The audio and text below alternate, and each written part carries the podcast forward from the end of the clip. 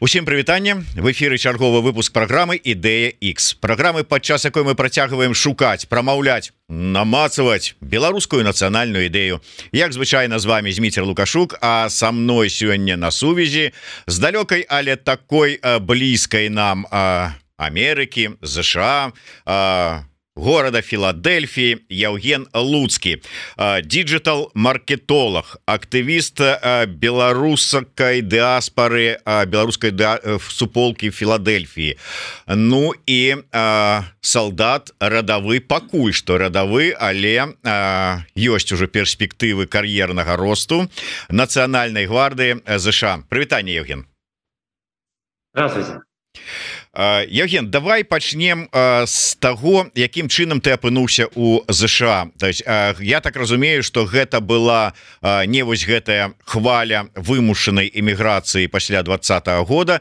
Ты потрапіў раней якім чынам? А, я попал в Америку в 2017 году. Я выиграл грин-карту. Есть такая лотерея грин-карт. Дело в том что у меня тетя здесь живет в Нью-Йорке И я хотел к ней поехать просто в Нью-Йорк посмотреть, и была такая идея. А тетя говорит, ты знаешь, белорусам очень плохо дают визы в Америку. Я такой, блин, а что делать? Она говорит, ну вот есть такая вот штука, как э, лотерея грин-карт, поиграй, может попадешь. И вот так я стал играть. С третьего раза я выиграл грин-карту. В 2017 году мы сюда приехали всей семьей. А, ну, все ж таки, коли першапачаткова планаваў толькі паехаць з цёцяй павітацца абняцца і нью-йорк паглядзець. І тут ужо магчымасць поехать і застаться не было такого Ой не не не гэта что-то вот как-то не про нас мы там хотели тусануться по нью-йорку а тут на табе заставаться ты знаешь изначально когда начинал играть я играл три раза, но и не каждый год. Я вообще для меня не было. Вот я просто с людьми здесь общаюсь. Для многих прям переехать в, иде... Э, в Америку была прям их заветная мечта, идея, да. А, а я просто играл, получится, не получится, да. И я играл через год где-то вот так вот. И в это время я в Беларуси занимался своим же digital-маркетингом, да, то есть создание сайтов, там, рекламу в интернете и прочие моменты. И я как бы был сфокусирован на своем деле. И я также активно участвовал, я сам из города Могилев, и мы, там есть сообщество предпринимателей города Могилева, мы там активно занимались, там э, как на волонтерских основах, да, помогали маленьким предпринимателям развивать бизнес, лучше продавать, потому что я маркетолог.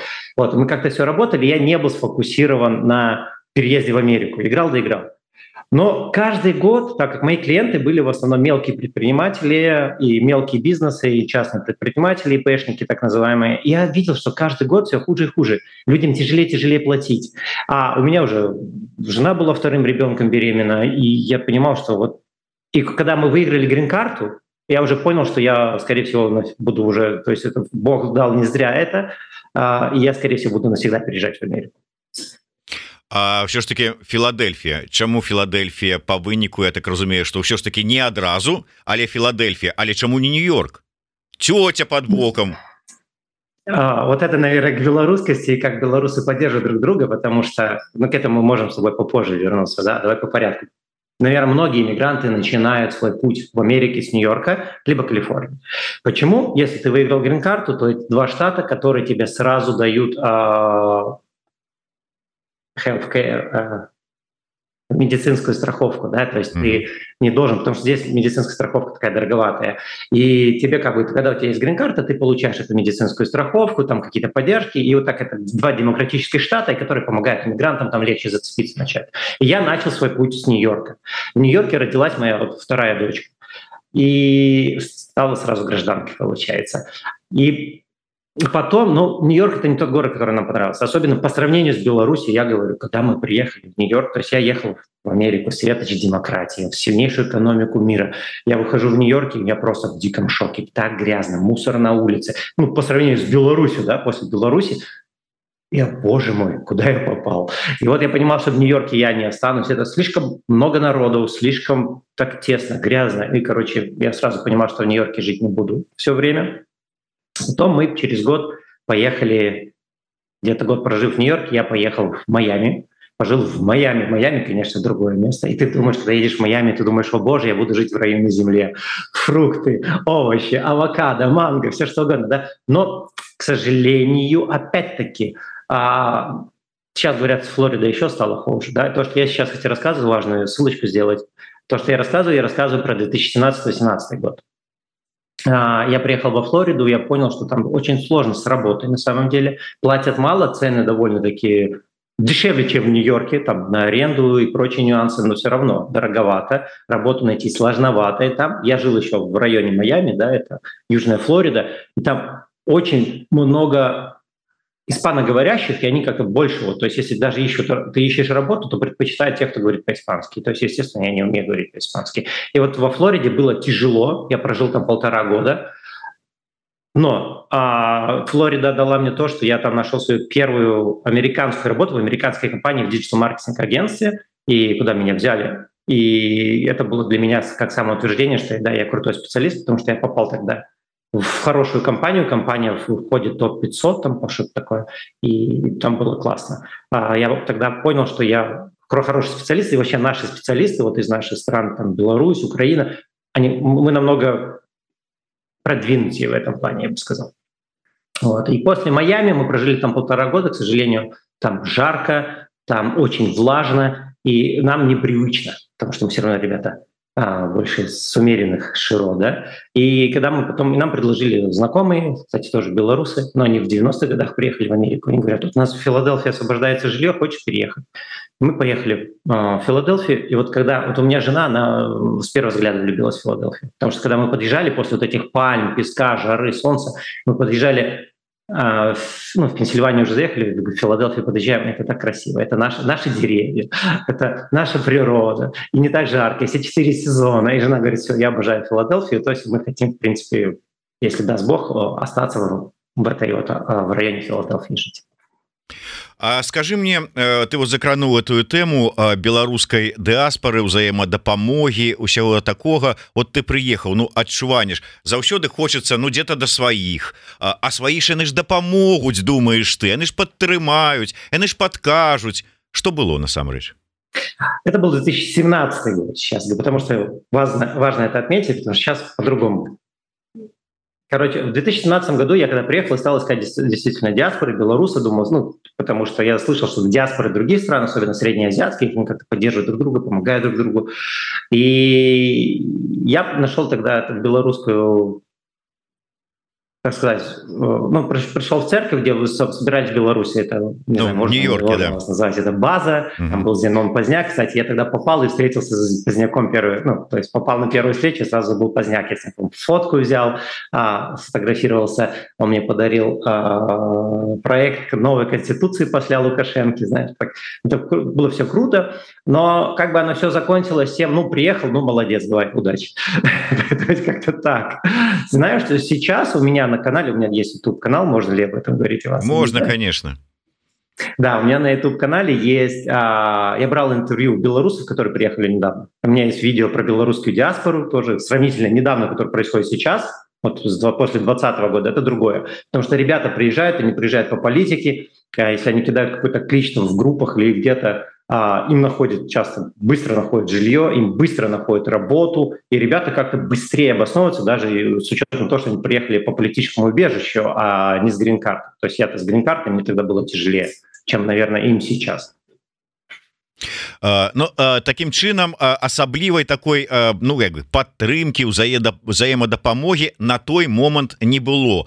То есть і ты у такое беларускі асяродак Ну вот пасля того як зяноном станіславовичам познаёміўся у царкву в нью-йорке схадзіў у базу попал все на гэтым твоя жыццё на той момант у беларускай дыаспоры і скончылася Я пытался общаться с ребятами разными, там были кто-то там паралигалом, знаешь, это как помощник юриста, грубо говоря, да, там общался с некоторыми ребятами, ну что-то да, что-то какой-то активной там помощи там не получилось.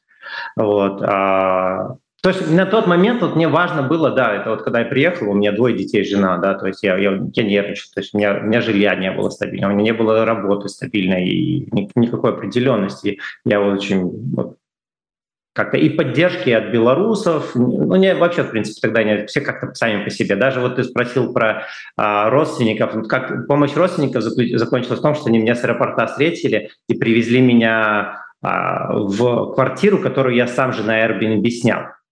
И то есть, ну, и мы потом просто созванивались. То есть, а дальше все, мне даже сказали, там, тут есть ряд документов, которые ты вначале должен получить. Мне сказали, ну, бери такси, едь, все, ну, что, с тобой нянчиться будем, что ли? То есть, такие нюансы. Скажи мне, все ж таки, калі вот ну і ты яшчэ ў магілёве твоё там жыццё ты прыехаў адразу там у ЗША ты себе ўвогуле ну неяк так прадстав уяўляў там ці кваліфікаваў як вот я беларус я з Беларусі у мяне там ёсць вот нейкія твои свае беларускія каштоўнасці там без водот вот тое чым адрозніваюцца іншыя нацыянальнасці там іншыя дыаспоры что якая-нибудь там іспана іспанскія дыаспоры іспанамоўныя ці там якія-нибудь габрэйскія ці там яшчэ якія-нибудь я уже не кажу про кітайскія. От у цябе было такое адчуванне что я приехаў я беларус? Ці было жаданне как-то адразу ну стаць амерыканцам растварыцца? Хороший вопрос А, как раз недавно с товарищем обсуждали а, эту тему. А, товарищ тоже из Беларуси, из Минска, он живет больше там 11 лет уже в Америке. И вот смотри, до 2020 года белорусы, они в принципе отличались тем, что они просто растворялись. И они растворялись не в, Америке, э, не в американцах. Потому что для американцев, смотря зависит от какого возраста ты приехал, да, но все равно ты как бы не будешь своим. То есть среди американцев ты не будешь американцем, ты всегда чужой. Ну, не чужой, иностранец, так скажем, да. А дальше, когда ты общаешься с американцами, ты говоришь белорус, они ну,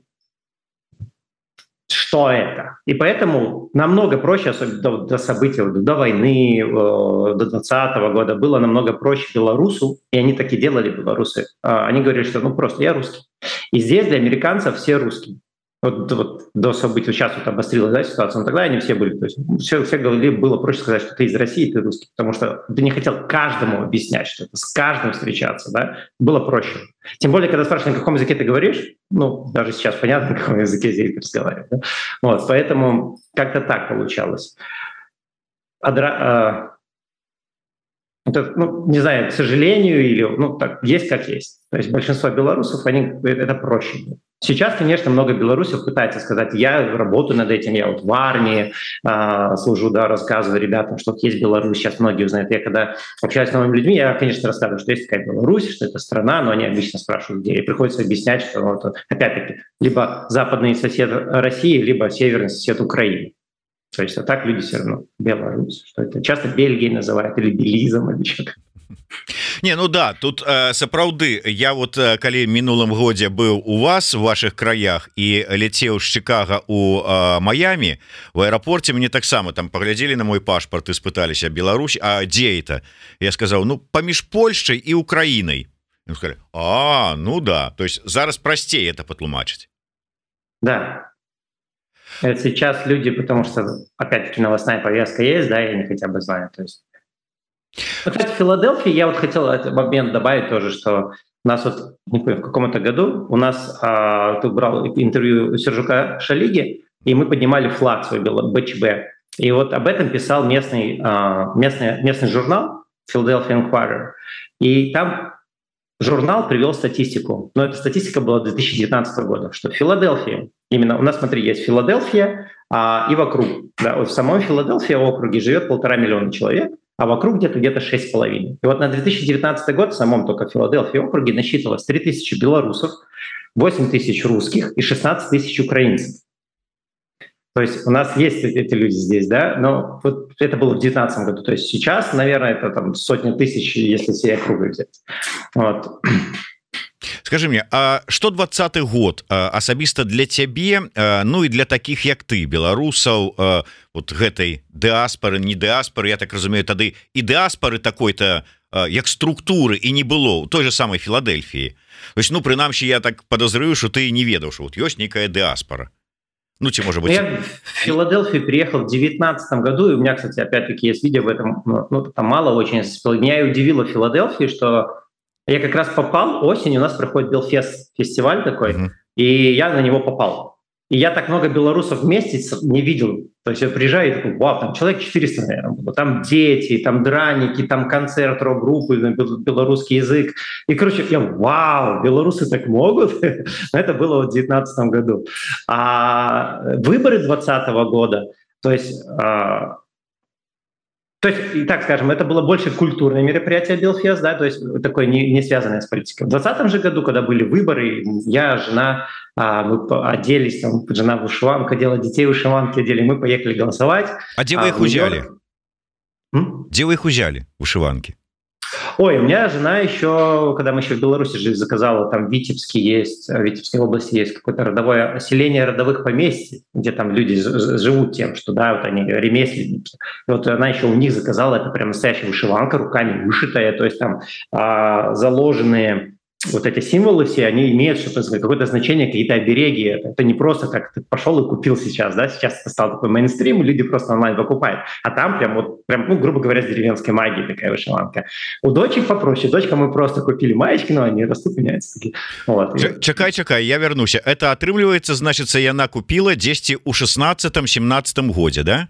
Перед отъездом из США. В 16 То есть мы в самом мы, мы в мае 17 ехали, то есть в 16 году. В 16 я просто, когда жил в Беларуси, я увлекался вообще вот этой славянской. То есть я глубоко изучал а, а, славянские корни, так скажем, древний русский или как древний белорусский. Тогда он просто назывался западно-русский язык. То есть я смотрел в корень. Поэтому мне вот это очень интересно для меня было. Я там родовыми там нас родовой памятью, там вот это вот, как это называется, ну, грубо говоря, а, вот который славянскими ведами увлекается, да, вот такой вот родновер. Вот мне было это интересно, я изучал. Не то, что я стал им, но мне было очень это интересно. И я вот тогда жене об этом рассказал, она тоже подхватила тему, и она вот нашла вот прям вот эти поселения в Витебской области, их два, по-моему, там, там заказала у ремесленницы.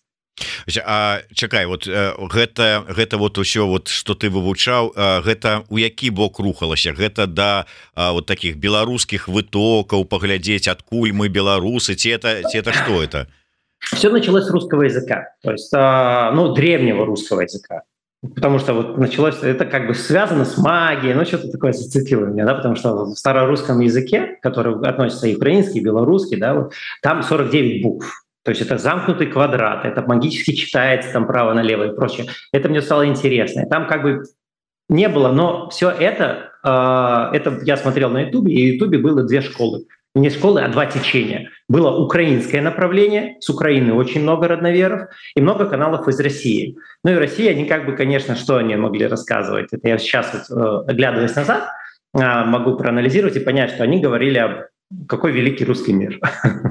А, украинцы, они немножко с другой стороны, там вот был такой, ну он сейчас в итоге э, в Крыму живет, э, вроде как э, Ивашка такой, который про азбуку именно рассказал, про значение буквиц. Это очень, потому что ну, каждая буква, а, то есть это может помнить что-то в славянском языке, ну, как-то в старорусском, старобелорусском, то это каждая буква, она звучала, да, аз, боги, веди, глаголь, добро, что переводится как аз, я, боги, веди, зная Бога, глаголь добро. Глаголь это не только говорить, но и еще творить, да, я зная Бога в себе, творю добро. То есть это первая строчка от старого алфавита, а не просто АБВГД. Слухай, А як так атрымалася что ты ну так вот склалася вот э, убіўся ў гэтые вот цячэнні которые в прынцыпе як ты сам зараз скажешь такія збольша рускамірскія но ў той же час тебе цягнула до да беларускага. І ты вот вот кажешь приехаў у філадельфію попаў потрапіў на белфест и такой о беларусы! О классы мова гучыць і сімволіка і все такое вот як оно вот одно у другое перацікала? Ну, для меня это было как единое. Но смотри, ситуация такая, что я на самом деле много жил, э, долгий период времени жил в России. И я, знаешь, есть такая поговорка, что система не может познать себя изнутри, надо и снаружи посмотреть. Вот у меня так и получилось. Потому что я вот уехал в Россию, потом, когда возвращался в Беларусь, я вот всегда хотел вернуться в Беларусь. То есть мне нравилась Беларусь, потому я не знаю, я внутром ощущ, ощущал это, да, другие люди. То есть если вот многие говорят, что типа вот белорусы, украинцы, русские — это все одно — в чем-то у нас есть какая-то ментальная общность какая-то, да, в чем-то. Но когда люди разговаривают, начинают даже просто на русском языке разговаривать, вот, вот вчера мне э, из Минска э, аудиосообщение переслали человека, который живет в Минске, Беларуси. Я слышу, он говорит по-другому. Он вроде на русском говорит, но я слышу, как он говорит, он говорит по-другому. Я белорусский такой, о боже мой, я так давно это не слышал, так круто. Вот. А, и вот получается, что... Так, я отвлекся, как там мы говорили про то як так атрымалася что вот это вот как бы с одного боку потрапіў а, да, гэта да, да, руска да, да. рускамірства вот, как бы живя долго в России, там детство в России провел, я приехал, я вернулся в Беларусь, я пошел в школу, и для меня так было классно, что есть какой-то белорусский язык. Я на белорусском языке, ну вот э, у меня такая ситуация получалась, что я как бы а, свой среди чужих, чужой среди своих, или как-то так, потому что я когда из России переехал обратно, я родился в Беларуси, у меня там предки в Беларуси, у меня там шляхта в роду, понимаешь? И я когда вернулся, я пошел в школу, для них я был все русский, ну, россияне. Я когда стал учить, я, то есть я, наверное, белорусский язык стал вот читать это в классе седьмом только. То есть до этого у меня не было ни первого. Да? Я когда стал читать, мне это было так интересно. Я читал книги на белорусском, я изучал белорусский язык, и меня как-то, помню, учительница белорусского языка, белорусской мовы поднимает такая, говорит, вот Луцкий только приехал, а по-белорусски уже лучше вас говорит, и читает, и отказывает. И, меня, и это было минусом, потому что она меня похвалила перед классом, и класс меня немножко потом гнобил, потому что ты приехал, тут и выскакиваешь, типа, да? Вот. А, но для меня тогда этот мир открылся, мне было интересно. Это что-то такое Слухай. Может родное что ли Слухай, А гэта ж вот э, той э, як акурат такі перыяд калі ой по-беларуску говоришь колхозан я такого не застал, никогда не слышал. То есть на меня, когда я попадал на уроки белорусского языка, да, там ну, бело, преподаватель белорусской мовы размовляя по-белорусски. Коли я размовлял по-белорусски, это такая гучная, мелодичная мова. Я, коли, коли я чул, я прям, м-м, я прям как, почему все так не разговаривают? Это так мягко, так классно. Ой, боже мой, это было так круто. Я наслаждался, я, и мне нравилось, я любил. Слухай, зараз быў момант, ты бачыў гэты жарт, калі вот чалавек нібыта там рускамоўны пачынае есці дранікі і, і чым больш з'ядае, тым больш тым пераходзіць на беларускую мову. Так і у цябе зараз ты пачаў гаварыць пра беларускую мову і сам я не ведаю, ты спецыяльна гэта зрабіў ці оно само так склалася, што пачаў гаварыць по-беларуску. І дарэчы, добра гаварыў.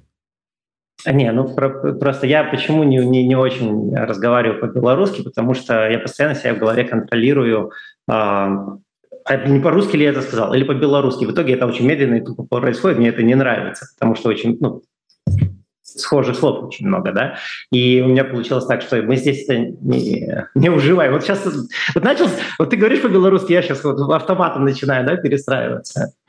А, в общем, оно у меня есть. Я, я слушаю, когда я много там белорусскомовный контент слушаю там или еще, или когда есть с кем пообщаться, оно, конечно, со временем приходит. Но это как любой язык без практики. Смотри, я когда учился в университете, в институте, да, я учил японский язык.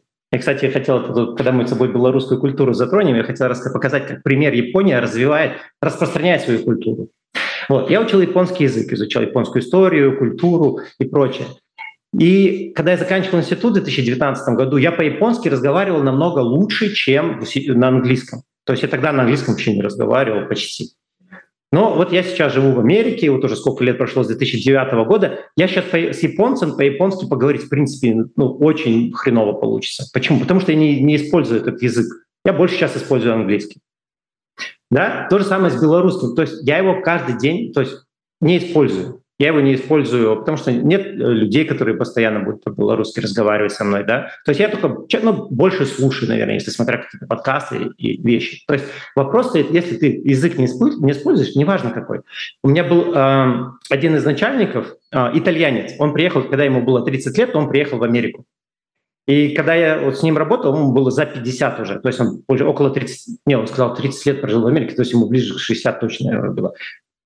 И он сказал, что он уже не говорит по-итальянски, потому что он 30 лет прожил вот в Америке, разговаривал все на английском, и он уже говорит по, ну, не, очень плохо говорит по-итальянски. То есть это момент, это как использование. Ты не, не, не используешь, ты не знаешь. Скажи мне А вот як прынцыпе чалавек які вот сутыкнуўся з такімі сітуацыямі цікавымі скажи А вот зараз нам у часы глобалізацыі трансатлантычных карпорацый вось таких э, калектываў дзе цалкам розныя людзі з розных нацый розных кантынентаў ці варта нам ввогуле думаць пра нейкую там сваю нацыянальную мову э, ці яшчэ што-небудзь? Ну калі ты уже жывеш працуеш умоўна кажучы у трансатлантычнай карпорацыі Ну англійская мова працоўная Ну і все то навошта там гэтая некія там беларуская русская польская украинская ці якая-нибудь яшчэ мова Ну опять-таки это твоя идентичность все равно, то есть что тебя отличает от других. А, и если мы вернемся опять к изучению славянского древнего языка, что каждое слово каждая буква, буквица она называлась, она несет определенный смысл. И на каком языке ты разговариваешь, это другая ментальность. Даже изучая японский язык, я тебе так скажу, что там, даже говоря сейчас по-английски, это абсолютно другое мышление, потому что ты абсолютно по-другому строишь порядок слов, абсолютно другие термины используешь.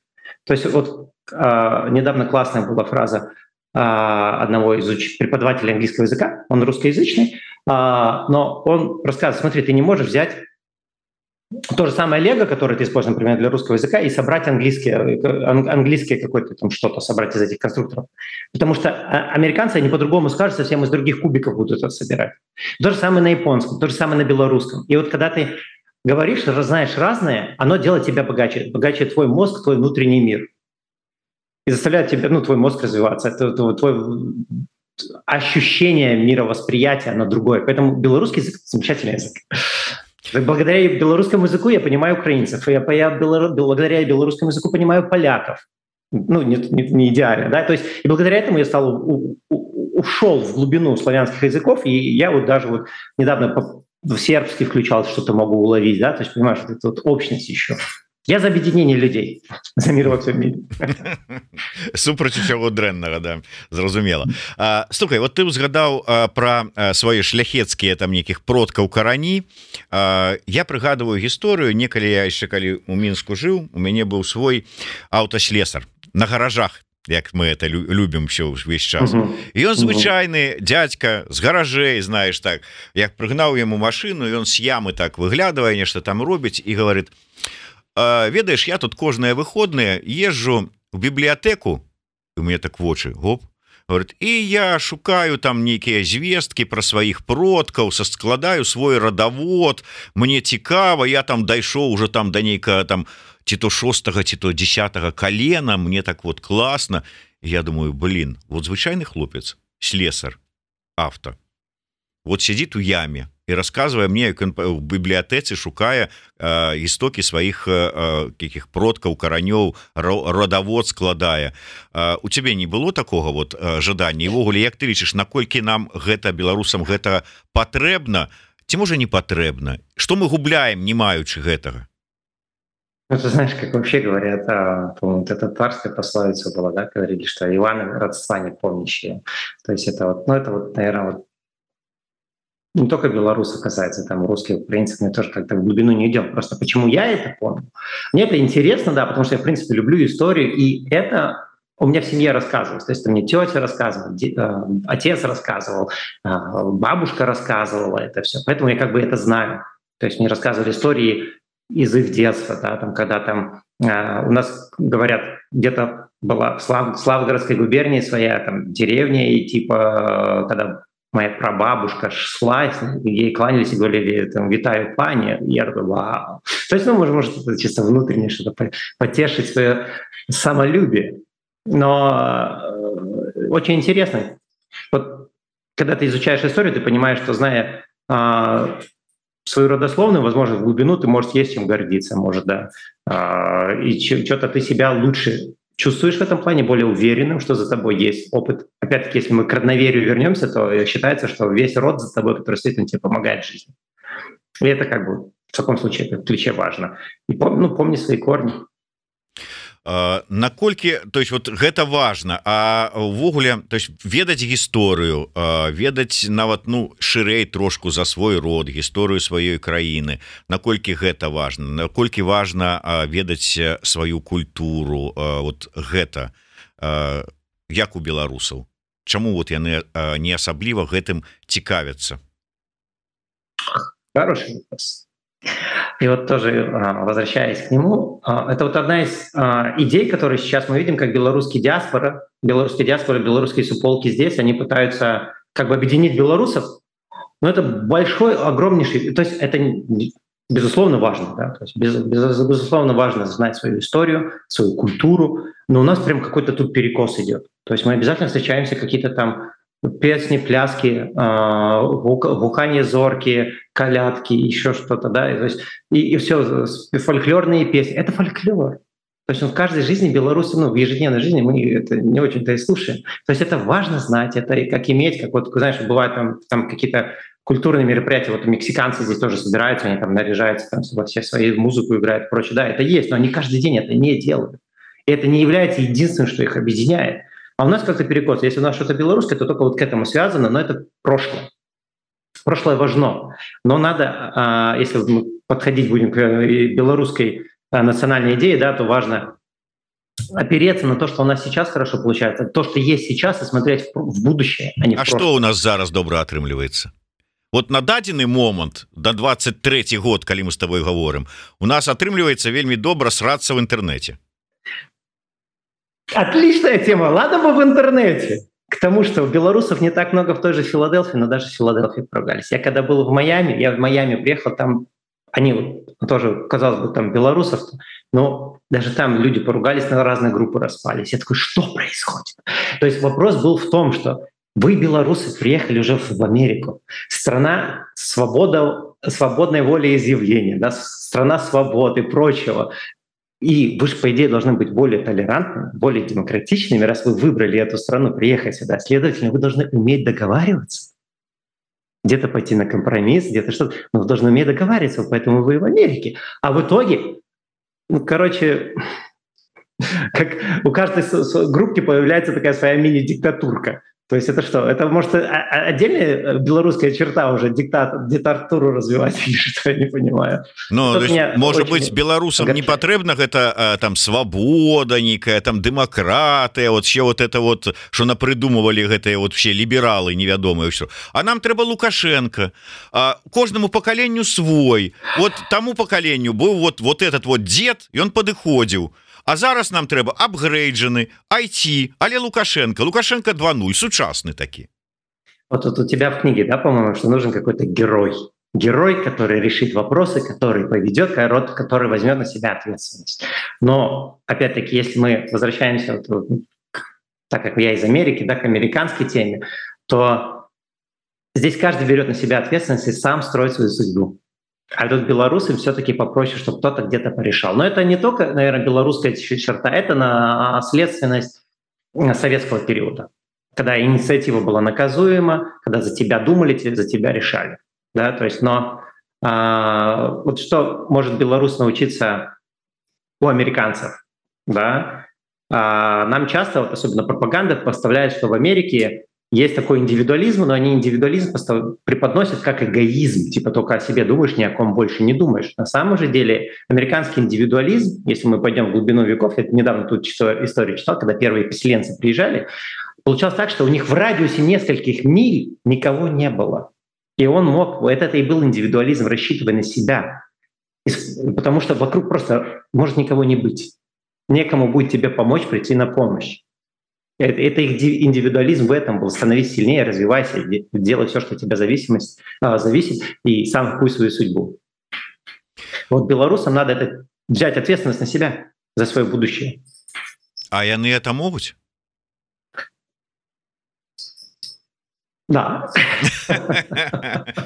Ну калі браць індывідуальныя прыклады то можа быть да а, скажи мне А навошта тебе была нацыянальная гвардія вот ты ай ну умоўна айцішнік диджитал маркетолог ну у розуме простого человека айцішнік Ну можешь гэтым грошы зарабляць на что тебе национальная гвардия что на тебе я, за... я я зарабатывал я все это время зарабатываю до сих пор занимаюсь диджитал маркетингом то есть нацгвардия это чем она отличается от регулярной армии ты служишь всего лишь один уикенд в месяц а я когда только приехал в Америку английский был не очень хороший то есть ну наверное, больше из-за внутренних комплексов, каких-то переживаний, боязни.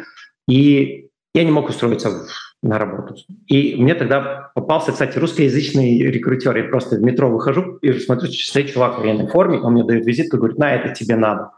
Я, во-первых, сначала опешил, почему со мной на русском разговаривает в военной форме. Взял визитку, оказался человек, когда-то там тоже из семьи эмигрировал. Вот, и я а я рассматривал именно active duty, то есть регулярную армию, как начало своей жизни в Америке, потому что она закрывает ряд вопросов. Медицинскую страховку, а, стабильные платежи, ты можешь сразу снять достойное жилье, то есть стабильная зарплата. То есть хотелось какой-то стабильности, чтобы оглядеться. И я пытался попасть. Но у меня там были нюансы, переезды, вот это все. Я просто в active duty, так называемый, так и не попал.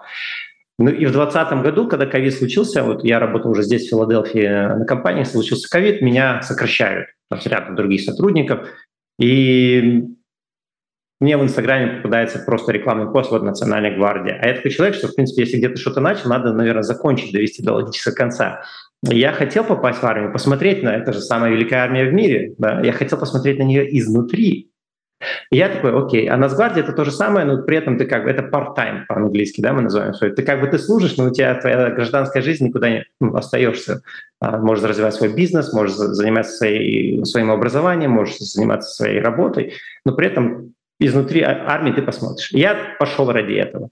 Но один из важных моментов, то есть это первое, любопытство — Второй момент — это вызов себе, потому что мне уже на тот момент было 33 или 34 года. То есть я такой, вау, как это я буду э, конкурировать, э, особенно по спорту, с ребятами, которым 18-19 лет, в основном молодые же идут в армию. Да, это контрактная, добровольная армия, надо сразу отметить. И они сами хотят идти ради, много бонусов предоставляет. А, а, а, Нацгвардия, армия. Вот. И еще один момент был тогда, как раз начали здесь а, вот эти беспорядки, так скажем, я понял, что я в какой-то момент я осознал, что я хочу знать, как грамотно и правильно и э, защитить свою семью, как правильно, грамотно использовать оружие. И вот таких вот этих три составляющих. Ну и еще составляющая, что, да, как бы это американцы по-другому к тебе относятся, то есть это как бы, это называется по-английски pay back to community, да, то есть как бы отблагодарить, отплатить назад. То есть, да, и как бы я служу. И когда американцы меня видят, они знают, они видят меня в форме, они слышат мой акцент. У меня, они говорят, тик, это толстый такой, они говорят, толстый акцент, если дословно перевести. А, но при этом я вижу, они говорят, спасибо за твою службу, пожимает руки. Один недавно случай был вообще смешной. Я в форме был в магазине, покупал продукты, загружал в багаж... ну, в багажник, подходит просто молодой американец, причем такой, знаешь, американец из сельской местности, там что-то такая майка, борода, такой, ну, он молодой, лет 25. Он говорит, спасибо за твою службу. Говорит, давай я тебе помогу пакеты в багажник положить. Я говорю, спасибо, я сам. То есть настолько вот. И это многого стоит, потому что когда ты иммигрант, тебе хочется все-таки быть не просто иммигрантом, к которому относишься, знаешь, приехал типа ради денег, а что ты понимаешь, что это для меня это мой дом теперь. Я здесь э, живу, я буду здесь, мои дети будут здесь расти, я пытаюсь здесь купить дом, и вот это, то есть я буду жить здесь, и поэтому я хочу здесь чувствовать себя своим части хотя бы. Скажи мне, як ты думаешь, вот гэтая эміграцыя прычым уся. І тую под якую ты трапляеш і вот та якая зараз у пераважнай большасці вымушаная але вялікая эміграцыя. Яна на карысць ці не на карысці на шкоду наадварот беларускай нацыі Беларусі?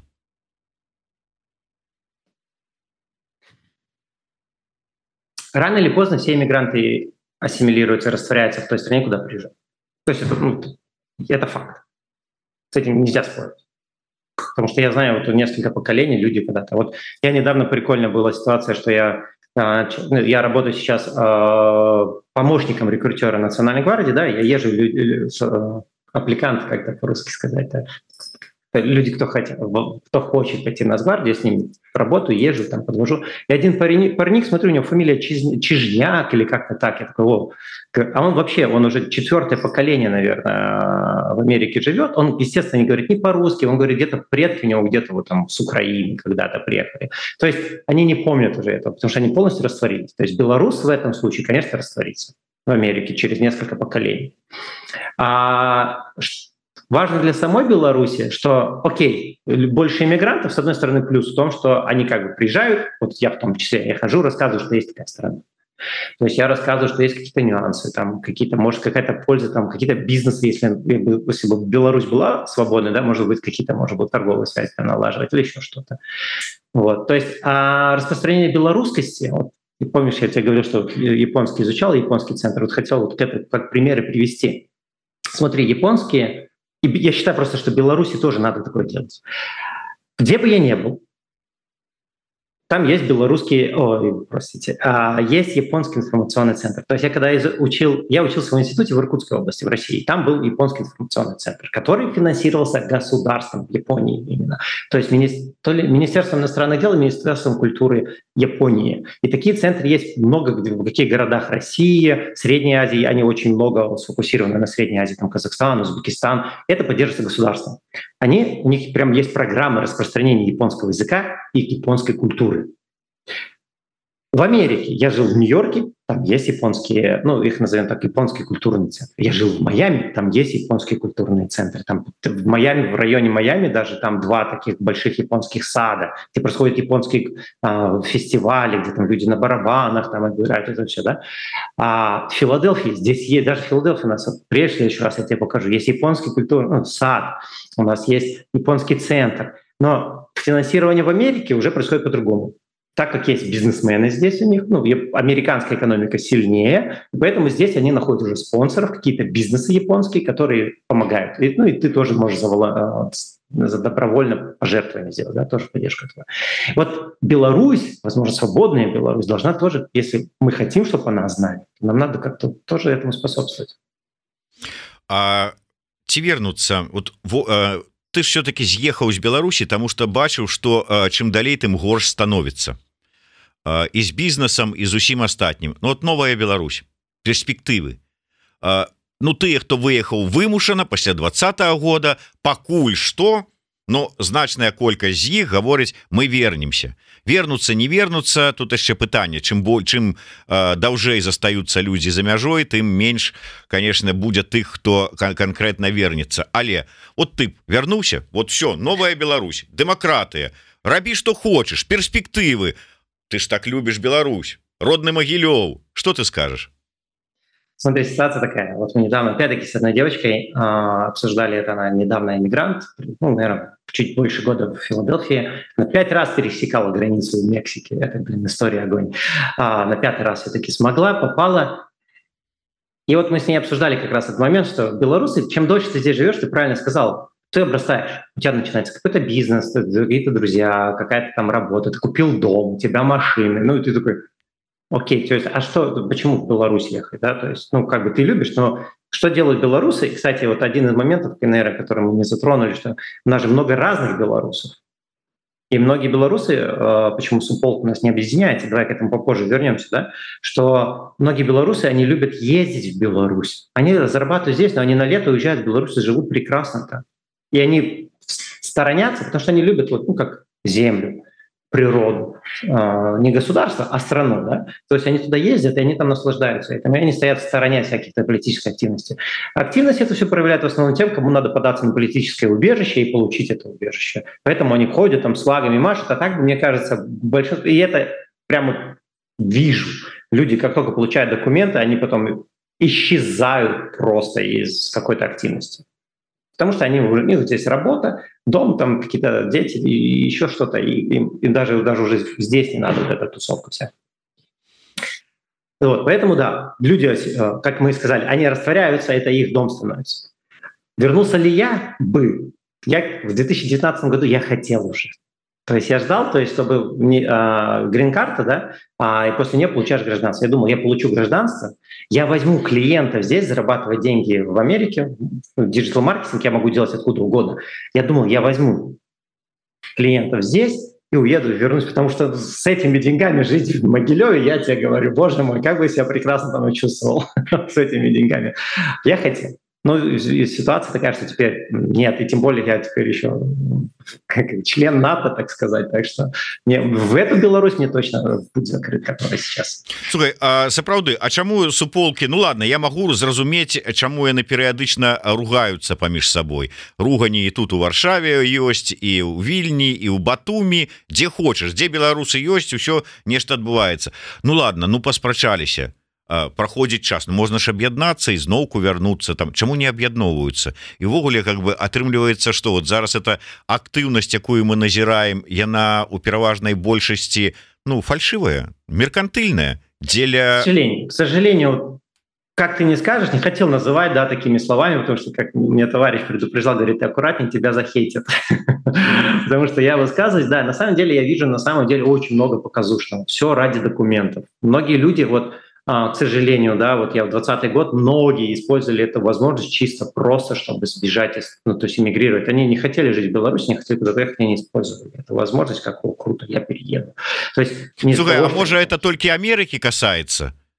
Ну ну ну а чаму ты ты хто хоча ты хто хоча вярнуцца Ну яны как бы далёка не адбягаюцца яны вот у Польшчы яны вот у літве ну у лепшым выпадку там у Германії тоже недалёка А ўжо праз акіян поехать это ты уже першапачаткова как бы збіраешься свалить с концами кстати отличное замечание да скорее всего так и я вот не думал с этого с этого с этого пункта погляда да. да, очень интересно ты подметил, да, слушай. А если люди далеко уезжают, то скорее всего, да. Но а есть, конечно, люди, которые хотят вернуться именно вот ну, давай так, вот этот фольклор, да, это есть какой-то процент людей, которым интересен фольклор и вот эта древняя культура. Кому-то интересны песни, пляски, там старые песни, но мне не очень, да. Есть люди, которым интересно прямо вот, вот там только по-белорусски разговаривать и прям вот эм, принципиально не использовать другие языка, языки, что тоже, ну, окей, твой выбор, да, но когда ты вот, ну, это все опять-таки определенный процент. А если мы хотим же объединить все белорусов, нам же идея нужна для всех белорусов, а белорусы разные есть, правильно? То мы должны подойти к такой национальной идее, которая была, цепляла бы каждого белоруса. И помнишь, я рассказывал, что я жил э, в России долго, возвращался в Беларусь. И я вот как бы... И потом я переехал сюда, в Америке, я тоже это увидел. У нас есть одна определенная национальная черта, что отличает, а, наверное, белорусов от других. Я вот когда долго жил в России, я видел, что в России ну, там хреново, грубо говоря, экономика России. Ну, я не жил там в Москве да, все время там или в Питере, а в регионах. Я вот видел, ну, хреново там, елки-палки. Страна большая, богатая, много денег, экономика, ну, если с белорусской сравнивать, сильнее, да? Ну, как-то вот... А когда приезжал в Беларусь, я смотрю, экономика хуже. Но белорус, вот он настолько хозяйственный и рачительный, да, что он он, у него там домик будет, либо ремонт хороший в квартире, у него будет машинка, там иномарка пусть поддержанная, но хорошая, да, это как-то вот, вот Беларусь, он выживает, и он умеет все обустроить, создать хорошее. И вот как-то вот и, вот, и ты смотришь, почему в Беларуси у нас все так хорошо, все так ну, чистенько, аккуратненько, да? Но э, несмотря на Лукашенко, да, у нас в Беларусь много где развивается, даже есть международный бизнес, куда мы смотрим. То есть есть многие знают компанию ЕПАМ, да, она изначально как бы от Беларуси, кстати, он живет где-то в районе Филадельфии, основатель. то есть вот у нас есть что-то хорошо получается, но оно не благодаря, да, а вопреки существующему режиму. А если режим, ну не режим, а новое государство будет помогать, то есть у белорусов есть эта процовитость, давай ее назовем. Да? Но при этом белорусы очень вот ширые, добрые, мягкие да, люди такие на самом деле. То есть я вот опять сравнить, то есть я вот увидя украинца, русского и белоруса, я вот прям вот вижу разницу. Да? То русские они такие более грубые, а более такие на, ну, на пролом напористые. А украинцы, они более такие предприимчивые, а, подумать так, смек, а, что-нибудь договориться, знаешь, сообразить. А белорус, он такой, ну, такой вот вот, вот честный трудяга, работяга, я не знаю, да, то есть, и вот очень близка, а, вот на мой взгляд, вот есть белорусская национальная идея, которая она как бы в нас уже есть, и которая она очень резонирует с американской мечтой, если ты знаешь, что такое. Да, то есть она в чем заключается? Она заключается в том, что ты работаешь, ты просто честно трудишься, и ты получаешь справедливую оплату за это. И ты можешь себе позволить. Вот это вот американская мечта на чем? Это твой дом с газончиком, две машины, жена, дети, все хорошо. Но то же самое, в принципе, у белорусов. Самое то, же, то есть дайте мне хорошо ну, работать, я буду честно работать, получать хорошую, справедливую зарплату за это, чтобы у меня было счастье. Вот, вот оно, обычное человеческое счастье. И вот эту идею, а, я, у меня еще дядя с тетей живут в Испании, я вот к ним в гости ездил в 2012 году. И там я так попал, э, с их друзьями встретился, общаться, ну, там, грубо говоря, посиделки были, да, и там были белорусы, кто из Минска, я, вот мы, мы из Могилева, э, ребята из Гомеля были. Я вот им тогда что-то задал вопрос, а что вы приехали, зачем? И они сказали, а вот потому что, смотри, говорит, видишь, а у него стояла Audi 6 новая, говорит, я просто здесь, он просто работник, он говорит, вот я просто работаю, у меня аудио шестая, посмотри, у него дом такой таунхаус они снимали. Такой, вот посмотри, вот, вот мы здесь просто работаем, мы можем позволить жить себе нормально, мы можем, они путешествуют там по Европе, да, там в Монако съездить ради прикола, знаешь, что такое. Вот. То есть я такой, и вот сегодня мы, я думал э, перед нашим интервью, да, перед нашей встречей, я думал как раз-таки, какая национальная идея. И вот у нас вот это вот есть, что, она, что не национальная идея, а что она надо нам, белорусам. Вот а наша белорусы много не надо. Вот, дай ему просто вот спокойно работать, быть, э, спокойно зарабатывать. Почему много белорусов и аполитичны, которые вот, живут там, да, вот в Беларуси, они как-то обустроили свой быт, свое к телу ближе, да. То есть они обустроили, ну и ладно, потихонечку нас не трогают, то есть мы потихонечку там домик достраивают, да, мало зарабатывают, но по чуть-чуть как-то умудряются откладывать, да. То есть вот как-то вот так. Давай коротко некалькі пытанняў і потым можа там уже на завяршэнне на жаль будем ісці но я думаю сустрэнемся ў філадельфіі паговорым уже за кубач за кубачкам кавы да что-нибудь скажи мне як чалавек да вайсковы зброя все ж таки павінна быць у кожнага беларуса? Вот як там вот у Амерыцы это все ж таки право на ношение зброі Очень сложный вопрос, на самом деле. Ты особенно... У меня есть. Если так отвечать, у меня дома есть. Потому что это есть ну, правило. Но я это сделал не из-за того, что я вот прям хочу. А потому что я смотрю на ситуацию, которая происходит да, вокруг в стране. Страна небезопасна, на самом деле. Особенно Филадельфия, это один из самых криминальных городов тоже Соединенных Штатов Америки. Здесь, так как у всех есть, то есть это чтобы уравнять шансы. Да, то есть я, если, не дай бог что, чтобы у меня тоже была возможность себя защитить. Поэтому у меня есть оружие. Должна ли быть каждая... В Беларуси я чувствовал себя намного спокойнее и безопаснее. Потому что я понимал, что, ну, там, чуть что, ну, синяки друг другу поставят. Ну, по ножовщина это, конечно, самое э, страшное. Ну, а здесь же люди есть, с пистолетами ходят, и поэтому, наверное, иметь такую возможность – это здорово, но, наверное, какие-то надо вот, как сказать, регуляции, regulations по-английски просто слово всплывает, как по-русски сказать, да, что, то есть э, как-то вот э, нормативными актами, чтобы люди не любой мог пойти купить, а чтобы обязательно, вот как у нас в Беларуси, когда получал права, да, у тебя обязательно должна быть справка с наркодиспансера, психодиспансера. Вот то же самое надо сделать, потому что здесь очень много психбольных людей, которые и их не проверяют. То есть я покупал свой пистолет первый, я просто поехал, у меня была грин-карта еще тогда, я взял грин-карту, взял свой э, э, водительское удостоверение, приехал в магазин, говорю, дайте пистолет, пожалуйста. Они говорят, дайте, заполнил документ, я заполнил. Они через 10 минут звонят, говорят, все, заходи, забирай, тебя одобрили. И все. То есть я подумал, слушай, ну, многие люди этим, криминал, этим и пользуются, что очень легко взять. Поэтому, в принципе, наверное, да. Да, наверное, но все равно должна быть вот четкий регулировка вот этого всего. Кто, как, когда. Як думаешь ці трэба беларусам пазбаўляцца ад гэтага вот ну я не ведаю там жаданне Ну назовем это лукашэнкі унутры от лукашызма от того что за цябе штосьці там вырашалі. Вот беларуская тема да абыякавасць і памяркоўнасць.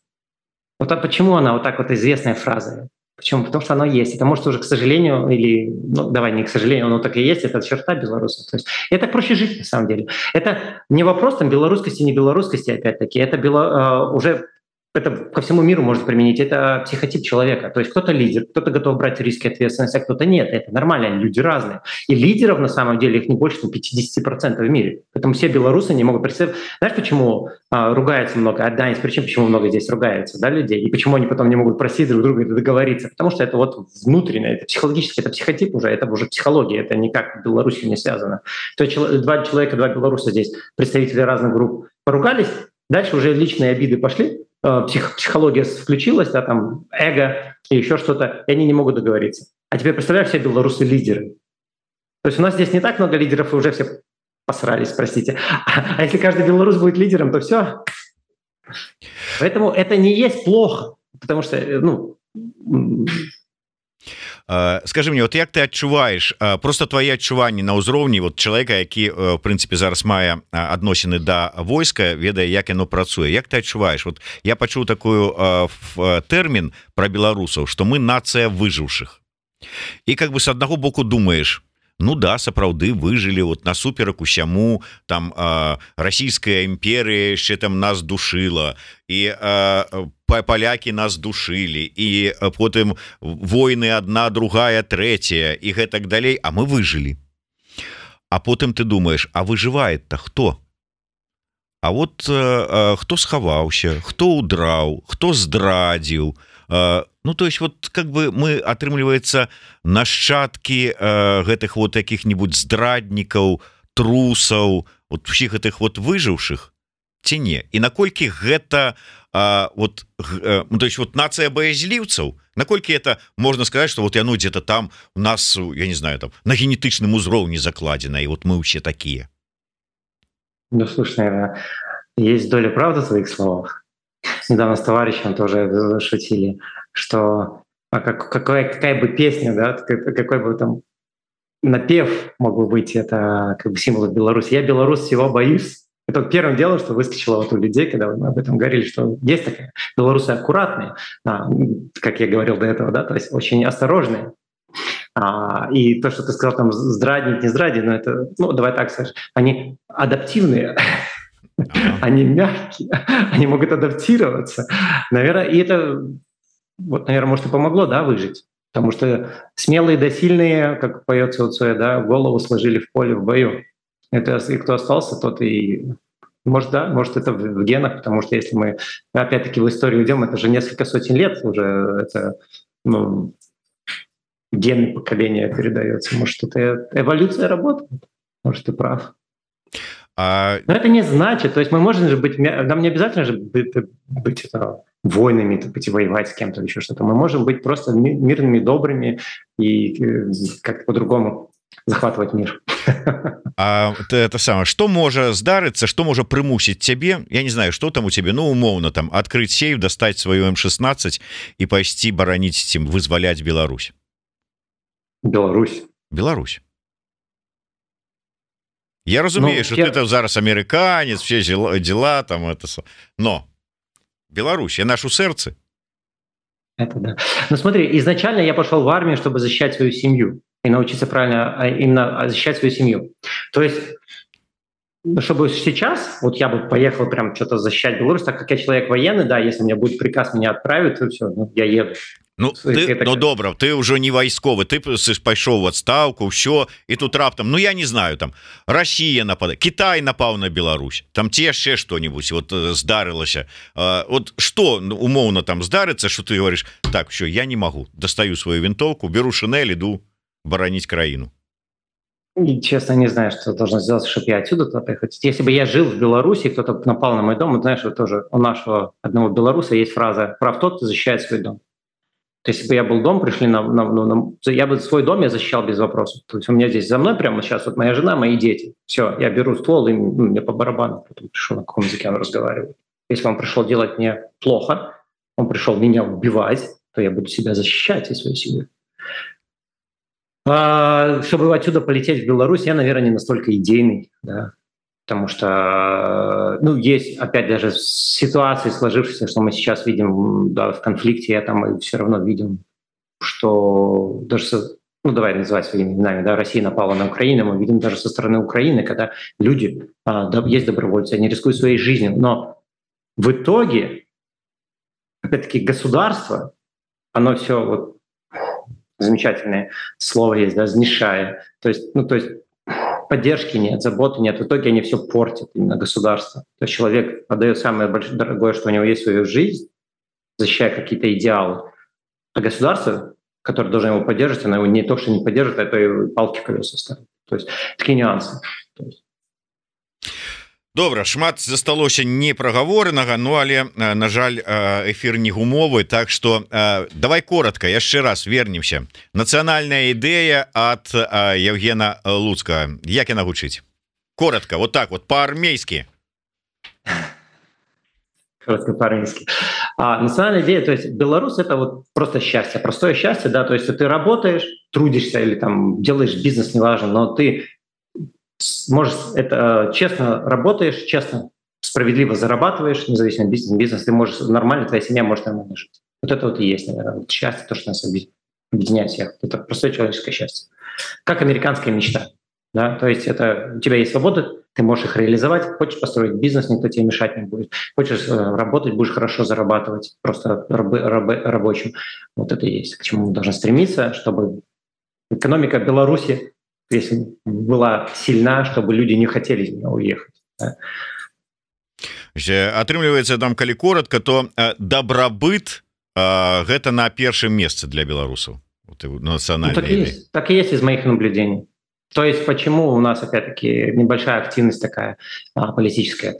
Потому что Опять-таки, я говорю, я вот здесь много белорусов встретил, и говорю, слушайте, у нас есть вот белорусская субполка, мы тут какие-то активничаем, что-то делаем, пойдемте к нам. Они такие, ой, не-не, нам это не надо. Они давно уже живут в Америке. Они нам не надо. Почему? Потому что они вот на все лето, они собрались, у них есть деньги, они поехали в Минске, они сейчас гуляют, тусуются, они прям тащится как хорошо, особенно после Америки, когда там э, все доступно, с американскими деньгами туда приехал, о, классно, все дешево, они все чисто, аккуратненько, сервис, если сравнить сервис в Беларуси и сервис здесь, то есть в Беларуси сервис выше уровня, понимаешь, там все, все лучше. Вот. И они не хотят никуда это, потому что они, прежде всего, своя рубашка ближе тела, им интересует их добробыт. То есть они здесь обустроились, они здесь зарабатывают, но Беларусь не любит, они туда ездят отдыхать, там, подзарядиться, так скажем. Да вось толькі нацыянальнага вось менавіта ў гэтым сэнсе слова нацыянального как-то вот мало тут у гэтым. Как не ляжыць душа народная да нейкіх нацыянальных каштоўнасцяў. Дабрабыт Ну але і дабрабыт таксама павінен быць. Дякую вялікім Ну што ж Евген вось гэты кубачак твой спадзяюся что давязу яго табе. Ну ці можа ты даедзеш до Польшчы як хутчэй атрымаецца. Але ў любым выпадку Дякуй табе за гэтую размову. Евген луцкі зміцер лукашук слухайте глядзіце нас. Жыве Беларусь. Жыве вечна